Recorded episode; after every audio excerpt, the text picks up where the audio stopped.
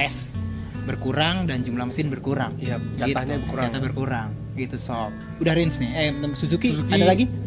apa lagi ya udah sebenarnya sih Udah ya, paling, paling gitu ya. update-nya ya itu tadi bisa di pertengahan musim tiba-tiba dia bisa update gitu. Dia bisa update. Nah, lalu kita masuk ke mana? Ducati dulu apa Yamaha dulu nih?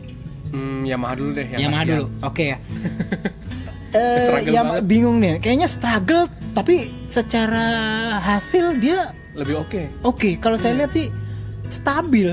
Struggle kelihatan struggle lihat dari uh, komentar-komentar pembalapnya dan mungkin uh, mungkin apa Mayo Meregali bilang kayak gitu terus uh, Maverick Vinales juga Maverick bilang kayak gitu Vinales. Valentino Rossi juga sering bilang Mengeluh. struggle tapi hasil tetap sadis dua Podium, tiga podium, podium terus terus, podiumnya juga ah, tapi ganti-gantian. sehingga boleh dibilang secara ini dia lebih stabil dibanding Repsol Honda. Di mana Repsol Iya. Honda yang yang kenceng cuman Marquez. Marquez doang, sedangkan Pedrosa turun bawah Turun sehingga hasilnya malah di championship tim kalah. Kalah karena dari- eh, gabungan kombinasi antara Vinales dan Rossi poinnya poinnya bagus banyak. terus karena dua-duanya bagus. Sedangkan kalau di Repsol Honda Marquez doang yang Marquez bagus. doang yang Sedangkan kalau ngomongin championship tim harus, Harus ada dua. nilai dua-duanya gitu. Ra- Suzuki eh Yamaha, Yamaha. sendiri secara umum di 2000 apa 18 nih ya di pertengahan musim ya pertengahan awal ya. Awal. 6 nah ya setengah musim awal itu nggak ada update sih pada dasarnya. Nggak ada update mesin nggak ada update apa kalau kita dengerin dari dari dari Rossi dan Rossi dan uh. Rossi memang sering banget sih menggunakan media pressure ya. Betul. Media pressure Media untuk uh, mengungkapkan ya mengungkapkan keinginannya agar uh, Yamaha Jepang turut bukan turut ya udah pasti udah udah udah sesuatu. udah udah udah turun dia teman lebih cepat melakukan melakukan suatu update gitu lah karena memang selama ini uh, pekerjaannya masih ya sekitar settingan-settingan itu aja gitu ya. Uh, jadi sebenarnya kayak misalkan terakhir di mana di Sachsenring ya. Rossi bilang dia kehilangan tuh akselerasi, Akselerasi. tapi bukan karena motornya yang nggak ada performanya nuk. Jadi dia pada saat tikungan dia keluar tikungan itu nggak dapat akselerasi karena ban belakangnya slip spin. Jadi bukan jadi sebenarnya sebenarnya masalahnya itu bukan di powernya Di M1, power mesin. bukan di power M1. Tapi Kalau kita lihat kalau kita lihat di straight, wow masih iya. pejaban sama Honda, Honda sama Ducati sekalipun ya. masih masih bisa berani gitu ngelawan. Iya. Cuman masalahnya ada ya di, di tikungan, Di tikungan. pada saat dia keluar tikungan mau ngebales ban belakangnya spin sehingga akselerasinya kurang. akselerasi kurang Nah, akselerasi kurang berarti pada dasarnya kalau orang-orang awam bilang itu traction control. Karena Iya. traction control kan yang mengatur bagaimana eh, mesin terus melihat bahwa ban belakang spin terus dia ngatur-ngatur sehingga ban eh, ke spinnya akan berkurang. Jadi sebenarnya di situ. Nah, tapi eh, hitungan parameter eh, traction control MotoGP nggak kayak traction control dari di mana di Yamaha X-Max itu maksud contohnya kan itu simple banget kan. Simple, Pasti simple. ini oleh karena itu kenapa Valentino Rossi benar-benar eh, menggunakan media pressure untuk Iya. itu sehingga dia ingin eh, Yamaha Jepang lebih turut masuk ke dia sehingga menghasilkan yang menghasilkan lebih cepat lebih cepat tindakannya lebih cepat ya gitu dalam solusi untuk masalahnya. lebih elektronik sih kalau saya lihat ya, Berarti elektronik masih soal magnetic Marelli-nya itu ya heeh. Ya entahlah ya. Jadi mungkin eh, solusinya sih bisa di magnet bisa di eh, settingan elektronik atau Elektronik. sasis sih. Kan Sasis, karena ya. dua itu yang bisa diiniin. Bisa aja di sasis cuman kalau menurut saya sih lebih enak di lebih enak di elektronik. Karena elektronik kita tinggal ngerjainnya di di komputer, komputer. gitu ya. Kalau dapat kan enak. Kalau kalau main sasis mainnya pabrikasi aplikasi dan butuh waktu lagi Butuh untuk waktu. pengembangannya. Terus habis itu terus mesti dites kan? dites, iya. nah kalau ini pada saat merubah dikit terus ngetes kan waktunya cepet tuh. Kalau Iya, ini kan betul. pabrikasinya lama terus ngetesnya. Nah itu dia kayak gitu. Cuman katanya Rossi bilang memang akan ada update di, Di tes Brno.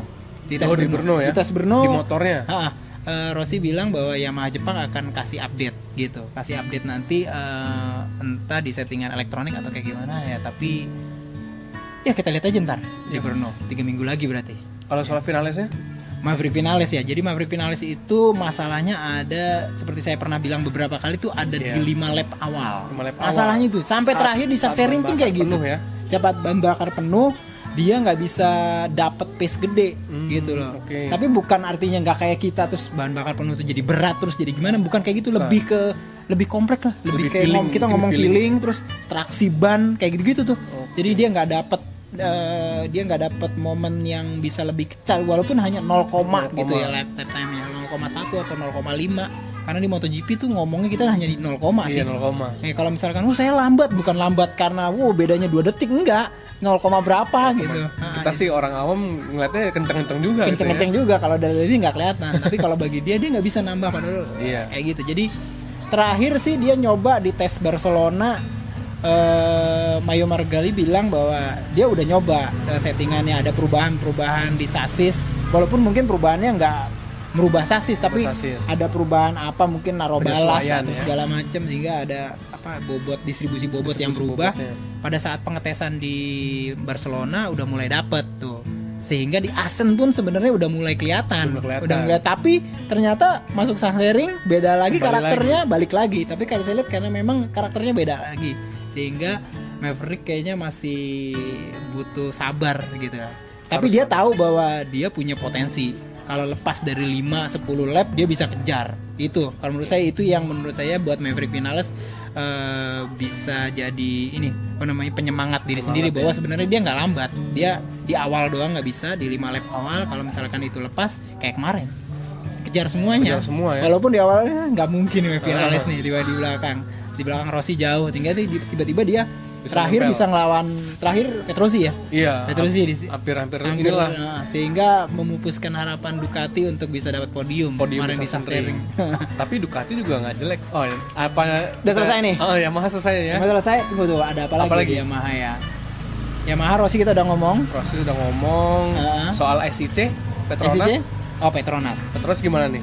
Si Razlan nih, Datuk Razlan nih, Nah, kayaknya gitu. buat onar nih. Buat Di owner Facebook ya. ya. di terakhir di Facebook eh, waktu orang nanya tentang eh, teman-teman di Malaysia nanyain tentang eh, Bautista, tiba-tiba eh, Datuk Razal eh, ngasih suatu pernyataan yang masih taps, penafsiran itu masih sulit Multitafsir. gitu. Nah, dia bilang bahwa di Sachsenring dia udah tanda tangan dua, Dua pembalap yang salah satunya podium, Podium di Sachsenring. di Sachsenring itu di Jerman. Nggak Kita menunjuk ke kelas mana tuh Mas ya? tidak menunjuk ke kelas mana dan Iya. tidak menunjuk siapa orang ya. Dia Yap. cuma bilang dia podium. Sedangkan kalau kita lihat yang kemungkinan bisa masuk yang kosong artinya ya pada Kosong. saat podium kalau MotoGP udah nggak mungkin karena Yap, baik semuanya udah- baik eh, Marquez, Marquez, Rossi dan Vinales dan udah full kan. Sedangkan di Moto2 ada Joan Mir udah pasti ke Joan Mir, Suzuki. Suzuki. Satu lagi Binder. udah pasti masuk Udah KTM lagi karena beberapa hari sebelumnya tuh udah Perpanjang udah, kontrak. udah perpanjang kontrak. Tinggal Luka Marini. Luca Marini. Itu yang mau dipertanyakan. Terus tapi di Moto3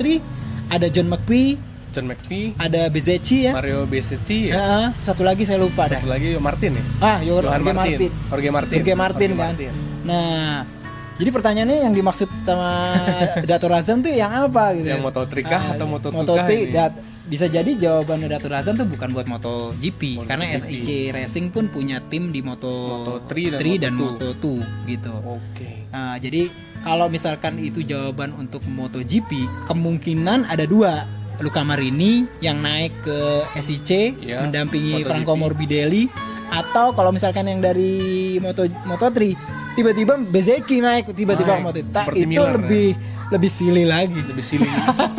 Super silly season ya. ngelewatin Luca Marini loh Luca Marini, belum kalau iya. di kalau belum tentu kalau em, Luca Marini atau Bezeci. Bezecchi. Kalau Bezeci nggak mungkin dia ngelewatin. Marini kan. Lagi ada Marini di situ dan dia kalau diadu sama Marini belum tentu menang juga. Luca Marini ya adik seibu apa sebapaknya Rossi? Seibu. Seibunya Seibu Valentino Rossi. Rossi. Nah, nah eh, masih belum jelas. Teman perkiraan saya dia rada bikin heboh aja sih eh, Dato Razlan tuh. Kemungkinan sih yang dimaksud dia bukannya salah satunya untuk, Untuk MotoGP, tapi untuk MotoGP. untuk yang eh, Di kelas-kelas Moto3 lebih kecil. atau Moto2 gitu. Nah, se- sepertinya sih John McPhee sih. John McPhee, ya. Akan masuk ke SIC Racing mungkin di Moto3 atau Moto2. Moto2. Ah, kayak gitu. Mungkin Moto tuh Mas. Moto2 untuk supaya di dia naik kelas di gitu. kan. moto di 2019, nanti 2019, ya. kayak gitu dah kita Tapi- close dulu ya apa gimana Tapi ntar ntar lu, tadi Mas Taufik udah bilang Ah. untuk menemani Franco Morbidelli. Emang udah ya itu tuh. dia jadi sebenarnya susah juga dibilang tapi memang uh, pembicaraannya itu memang semuanya tuh udah ke Franco Morbidelli Oh, ya, jadi. Franco angka uh, omongan Frankie ya? Franco Morbidelli ini belum resmi juga dari Oke. dari tim karena sebenarnya timnya sendiri belum resmi iya. belum ada resmi. Jadi hanya yang yang resmi itu sampai sekarang ini adalah eh, bahwa SIC Racing akan ambil alih Alih si eh, posisinya Aspar di Aspar MotoGP bukan sekarang. posisi sih jadi mengambil alih langsung Manajemen. as manajemen Aspar Manajemen Aspar ya. Aspar, oke. nah, sehingga Jorge Martinez sendiri jadi penasehat atau Advisor. advisor ya di Iya. situ Nah, jadi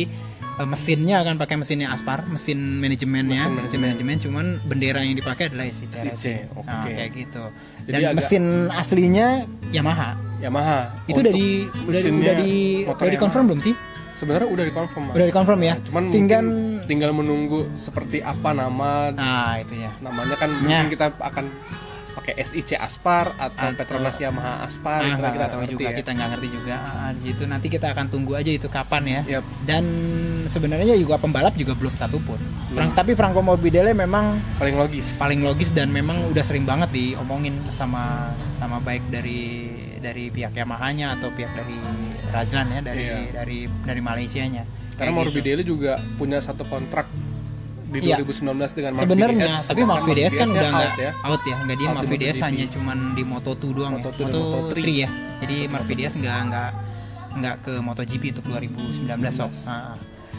terus Franco Morbidelli kemungkinan masih kalau satunya lagi sih kalau menurut eh, yang biasa yang ada di pedok eh, rumor pedok Rumor sih pedok. yang akan mendampingi eh, Franco Morbidelli itu nggak ada satupun nama Luca Marini sih sebenarnya masuk ke situ atau Malah bahkan Fabio Quartararo ya. Fabio Quartararo sama Alvaro Bautista. Alvaro Bautista. Alvaro Bautista itu punya apa namanya pegangan dari keinginannya Jorge si Jorge Martinez. Martinez karena Jorge Martinez pikir eh, mungkin lebih baik ini gitu karena memang dia punya pengalaman Pengalaman banyak. ber apa lintas, Lintas mesin pabrikan. lintas pabrikan nih dia pernah pakai Honda dia pernah pakai Ducati, Ducati, pernah pakai. Aprilia Aprilia pernah nggak Aprilia, Aprilia? Aprilia pernah. pernah kan tinggal Yamaha doang yang belum Dari pernah Yamaha doang belum pernah Nah betul. itu kan Jadi pengalamannya banyak banget tuh Alvaro Bautista Dan kalau kita lihat kemarin Woi sadis Sasering Oh, iya. Sasenring tuh. Sasering itu Boleh serem ya tuh. Iya bisa boleh itu Boleh Melewati juga. Dovi ya Iya, di atasnya Dovi. Di atasnya Dovi finish Di kan di atas Lorenzo Di malah. atas Lorenzo Di atas Dovi itu sadis Memang kadang-kadang dia walaupun dipakai mesin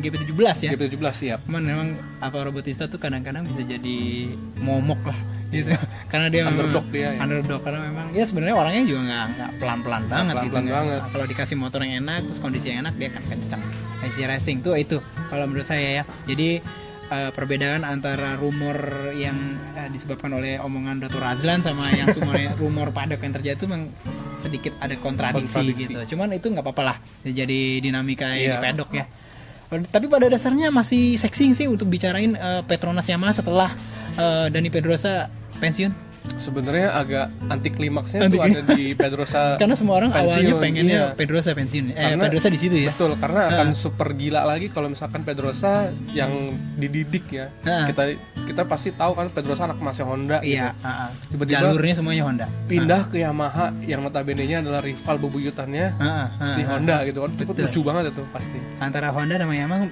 nggak kurang ini kurang apa kurang akur gitu Kurang ya akur di Biasanya kalau ada sisi. perubahan antara dari Honda ke Yamaha Yamaha ke Honda itu bakalan jadi heboh Iya, banget betul. Ah, ah, ah. kira-kira kenapa eh, Pedrosa memutuskan untuk pensiun 2019 Kalau saya pikir adalah umur. umur Ya, 32 ya Karena umurnya 32. eh, kebanyakan pembalap atau atlet pun juga di antara 31 sampai 34 itu memutuskan untuk pensiun. Hmm. Terlebih lagi Pedrosa sudah banyak pen. Dia bisa dibilang kan the real Iron Man itu Nah. Iya karena karena pennya banyak banget seluruh badannya udah pen semua Nah, itu. karena banyak aja hasil, hasil cedera ya Iya. cedera terus recovery-nya kayak Recovery-nya gitu seperti itu kan. Tapi kalau misalkan saya pikir lagi Pedrosa eh, di akhir Hmm. eh, media debriefnya dia, Hmm. dia kan bilang eh, saya akan kemungkinan besar akan involve masih tetap eh, terjun di Balap, MotoGP di gitu kan. racing. Ah, Saya pikir bisa jadi dia ditahan Honda mas. Gitu ya? Supaya untuk tidak pindah ke Yamaha Hmm. lalu bisa jadi untuk dikip di pengembangannya Honda. Oh gitu. Bisa jadi ya. Tapi ini prediksi saya aja Ya, gitu. tapi ada juga rumor mengatakan bahwa dia agak mundur karena eh, Petronas Yamaha kemungkinan nggak dapet tuh motor Nggak car. motor yang jadi motor yang akan sama dengan ya. motornya Rossi dan motornya Rossi finalis finalis tahun 2019 depan. Oke. jadi dia pikir dia akan dapat motornya motor 2018 ini gitu. Atau mo- motor 2018 versi Valencia biasanya ntar. Versi terakhir tuh. Kayak gitu. Sehingga dia dia pikir eh, susah lah. Karena memang kalau di Yamaha agak mahal tuh ya mungkin ya. Satu untuk support satu, orang. Support satu orang artinya dia nggak satu satu unit tuh Oh dua iya, minimal beberapa unit gitu dua ya unit spare tujuh kalau misalnya tujuh mesin ya tujuh Iya, tujuh mesin siap siap tujuh mesin dan kayaknya Petronas walaupun segitu hebohnya kayaknya kemungkinan nggak kuat tuh ngeluarin segitu ya. banyak gitu Petronas Yamaha Eh, banyak nih dari pembaca gitu ya. Kemarin kan udah kita publish tuh Hmm. soal leasing. Nah. Ya kan announcement dari Yamaha Aha. karena dia tim si SIC Aspar itu adalah leasing. Nah, bisa dijelasin nggak Mas? apa Leasing di MotoGP itu bisa nggak sih untuk kita sebagai tim, misalkan si tim independen eh, membeli motor pabrikan itu seperti di LCR atau di Pramac? beli bisa Bisa ya? bisa jadi Yamaha sendiri memang bilang kalau motor eh, spek terkini ya spek Iya. terkini kita ngomongnya kalau masih nonton 2019 ya pakai 2019 2019. itu bisa dibeli Bisa oleh dibeli. siapa pun yang berani gitu ya Oke. cuma masalahnya berani apa enggak duitnya gitu. Oh, gitu. cuman di situ kan Lin Jarvir gitu ya. Lin Jarvir bilang kayak gitu kita siap untuk bisa Support. untuk bisa seperti itu gitu ya cuman sa- salah satu yang masih mungkin masih bisa kita pikirkan kembali sebenarnya setiap tim itu tiap tahun itu dapat uang Oh, Dari iya. Dorna. Seperti subsidi gitu ya. subsidi dari Dorna dan biasanya dor, uh, uang tersebut digunakan untuk leasing Oke. dan sekarang nggak ada yang namanya beli mobil mau beli mesin karena semuanya harus leasing. Harus leasing. harus leasing. Uh, semua tim uh, satelit tuh leasing semua lease atau minjem gitu ya lease. Bahkan si Karl Kratzlow dan Petrucci Sama, juga leasing ya. lease. Semuanya lease semua ya. Uh, uh, ke Ducati dan ke Honda. Ke Honda. seperti itu. Cuman memang sepertinya angkanya benar-benar fantastis untuk satu untuk mensupport satu pembalap yang pakai Yamaha M1 terkini tuh fantastis. Karena mereka bukan mesin doang sih loh semua Iya, itu semua, sasis segala elektronik. macem elektronik segala macem dan itu paketnya kayaknya fantastis angkanya Fantastis ya. jadi pas disodorin ke Petronas Petronas, Petronas langsung oh ya. gitu kayaknya kayaknya nyerah perkiraan saya duluan ya. menyerah duluan sehingga itu dan tapi saya juga ngelihatnya eh eh, buat ini ya buat apa buat si Pedrosa ya Pedrosa. terutama ya ini ini pemikiran pemikiran kalau saya jadi Pedrosa gitu loh. Hmm. tiba-tiba eh, dia ada dua pilihan dia pindah ke Yamaha untuk dua tahun atau Iya. untuk tiga tahun persiapan 2030 2021 21. VR46 ya siap-siap udah datang terus abis itu dia eh, menikmati masa pensiunnya di Honda sebagai test rider kah sebagai developer atau segala Iya. macem atau mungkin dia Asia Talent Cup mungkin kayak gitu bisa jadi itu kayak gitu jadi, kan iya. kayak Aoyama terakhir sedangkan kalau dia ke Honda panjang tuh pensiunnya bisa bayangin kan? Oke, bisa panjang mungkin dia sampai tua bahkan jadi legend terus Legend bakalan hitungannya dia ada, akan dapat benefit sampai dia nanti bisa jadi apa gitu nanti Hmm, biasa bisa mungkin 40 50 dia kan dia, dia akan Duhan sekarang. Iya, dia masih dia dengan Honda masih akan punya banyak banyak Hubungan. hubungan. Sedangkan tiba-tiba kalau misalkan dia dua tahun di Yamaha, udah putus tuh langsung. Putus. Saya pikir kalau misalkan eh, Pedrosa dua tahun pindah aja ke Yamaha, Yamaha. putus tuh semua histori ke belakangnya. Iya, betul. Ibarat air susu dihantam air tuba hilang semua udah ada udah kagak mungkin anda eh, kita apa-apain lagi, lagi. walaupun anda udah berapa belas tahun 18 tahun bersama Iya. Honda udah nggak ada artinya 18 tahun Oh, kayaknya perkiraan saya Bisa dia berpikir seperti itu 18 tahun terus gara-gara saya 2 tahun dan belum tentu oke juga di di Yamaha satelit, satelit. tiba-tiba dia membuang yang 18 tahun 18 itu tahun memori manisnya kalau dia saya sama berpikir Honda. jadi Pedrosa sih kayaknya sayang Berarti Pedrosa juga memikirkan karir di hari tua ya. Iya. iya, kalau kalau kalau pemikiran kita benar Iya. kayak gitu ya. Ah, betul, gitu. betul. Logikanya kayak gitu. Logis. Dua tahun, dua tahun kayak gitu. Saya pikir karena udah pasti kalau misalkan dia di Petronas Yamaha umurnya nggak panjang gitu tim nggak mungkin bisa lima tahun gitu Iya. karena VR46 eh, tim udah menunggu 2021 untuk Siap-siap masuk ya Mm-mm. 2021. gitu jadi untuk eh, Dani Pedrosa kayak begitu tuh kisahnya Oke. Gitu. Jadi nyampur nih dari Yamaha, ada Petronas, Pedrosa juga karena, Pedrosa karena juga. Pedrosa juga ada hubungannya, ada di hubungannya sini. dengan ada hubungannya di sini. Petronas Nah, Yamaha rumornya itu ya. rumornya di sini ha. dan seperti kita ketahui juga eh, si eh, kenapa saya juga bingungnya kenapa nggak ini ya kenapa nggak Zarko dulu ya tapi Zarko karena pengen ke pabrikan, sih Pabrikan. sebenarnya karena pabrikan ya Betul. Nah, terakhir Zarko dapat Nah, berita ya lucu nah, juga nih, nih? Johan Zarko ya jadi eh, Johan Zarko tuh terakhir dia punya masalah dengan Lauren Velon Lauren Velon tuh manajernya Manajernya, sekarang Nah, manajernya. jadi manajer yang sekarang itu dia punya masalah sehingga menyebabkan performa dia di ini masih Yamaha Tech 3 kita ngomong ya Hmm, di Yamaha Tech 3 selepas eh, GP Le Mans ini dia Mans. kurang bagus di Le Mans dia jatuh setelah itu setelah itu dia kurang bagus sampai saat Menurun. seri menurun lah. Menurun. Eh, lepas dari top 10, kalaupun finish dia di atas eh, top 5, Top 5. terus terakhir sampai di Sasering dia mesti masuk Q1 dan gak lulus di Q1 di kualifikasi 1. Itu dia dan memang awalnya kita berpikir bahwa wah karena ada hubungannya sama support Yamaha yang nggak Iya. jalan lagi mampet karena Yamaha tahu tahun depan dia mau pindah, Pindah. KTM tapi ternyata setelah ditelisik ya teman kita di Spanyol ya Manuel Pecino Manuel bikin Pecino. investigasi kecil bahwa ternyata bukan itu lebih ke mentalitas sendiri dan apa yang ada di kepalanya Johan Zarco jadi, Jadi sebenarnya masalahnya lebih personal itu. lebih Mas. personal jadi di- ada masalah dia dengan manajernya Manajer- Lauren Fallon Fallon. sehingga uh, membuat dia jadi nggak konsen di track gitu sehingga jadi kayak begitu tuh jadi ada sesuatu banyak sih jadi halnya itu lebih uh, uh, Johan Zarco tuh tidak lagi uh, mempercayai uh, Lauren Fallon atau dia men- mendapatkan banyak kekurangan Lauren Fallon untuk bisa uh, menghandle dia Menghandle di dia. situasi yang cukup uh, signifikan pada saat dia di MotoGP gitu loh. Kayak misalkan terakhir-terakhir nih ya, mungkin sobat sekalian doang yang bisa denger bahwa contohnya Ma- Manuel Pecino bilang bahwa isi dari uh, kontrak, kontrak.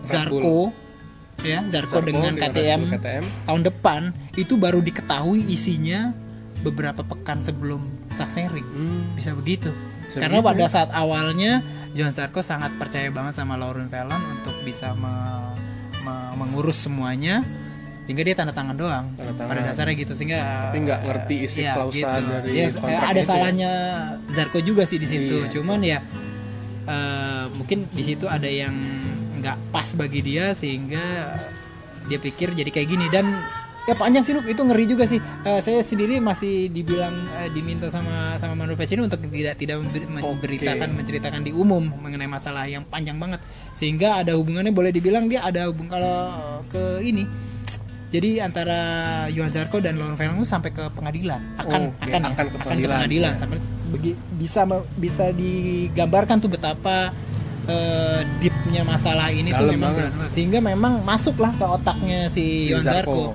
Jadi dia Jadi konsentrasi konsentrasinya saat jadi juga buyar jadi ya. buyar. Itulah yang terjadi di Johan Zarco Bahkan antara involve, Lemans dan sekarang. involve ke Dorna juga mas ya. Iya, info Kabarnya ya. Dorna. Ah, Jadi, Zarko, Velon, pengadilan Ada dan Dorna. dan detailnya agak susah kita nggak bisa Jangan terima aja. karena off air Yang kayak tadi kita ngomongin, Mas, ya. karena memang eh ya source-nya juga minta Iya. jangan diceritakan Betul. gitu. jadi ya memang ya untuk sobat sekalian ya mohon maaf hanya sampai situ aja tuh Sampai taunya situ ya. nah jadi pokoknya ada masalah di kepalanya Johan Zarco sehingga dia tidak bisa konsentrasi Iya, jadi perlu dilurusin bukan karena supportnya Yamaha yang berhenti di di setelah Zarco tekniknya, ya support tanda ya tangan, bukan uh, tapi memang lebih kepada di Mental. dirinya Nah, Zarko sendiri psikologis. gitu. psikologis. Psikologisnya Zarco nah, jadi seperti itu. Ya mau oke udah selesai nggak? Yamaha oke Hafiz selesai. Syahrin gimana? Hafiz Syahrin itu Hafiz Syahrin- kita lupakan juga.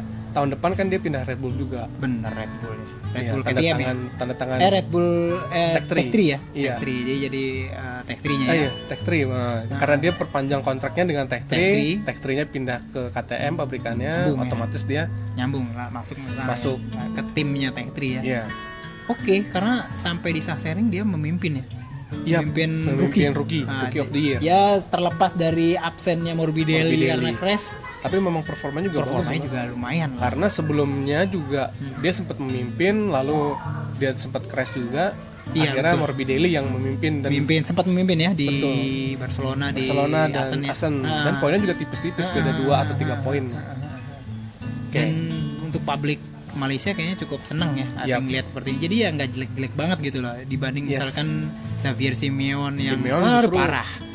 Ya Iya, kayaknya itu rumornya- salah satu yang akan didepak tuh tahun depan. Yap, karena memang rumornya waktu saya ngelihat dari tweet warnya si Simeon dengan Alex Espargaro tuh Iya, mas yang beberapa bulan lalu. Sesama ini dong KYT sesama sesama kayak oh iya. sesama KYT rider. Kayaknya bingung nih. Dua rider ambasadornya berantem gitu kan. Iya jadi Espargaro itu bilang kalau ada pembalap di grid MotoGP 2018 ini yang dia masuk ke tim MotoGP itu dengan membayar sejumlah uang. Oh gitu. Dan itu menjurus kepada Simeon gitu. Oh. Xavier Simeon ya. Iya, jadi memang uh, akan didepak gitu ya. Kayaknya didepak. Karena Dan rumor- kemungkinan rumor kemungkinan penggantinya memang anak orang kaya juga. Oh gitu.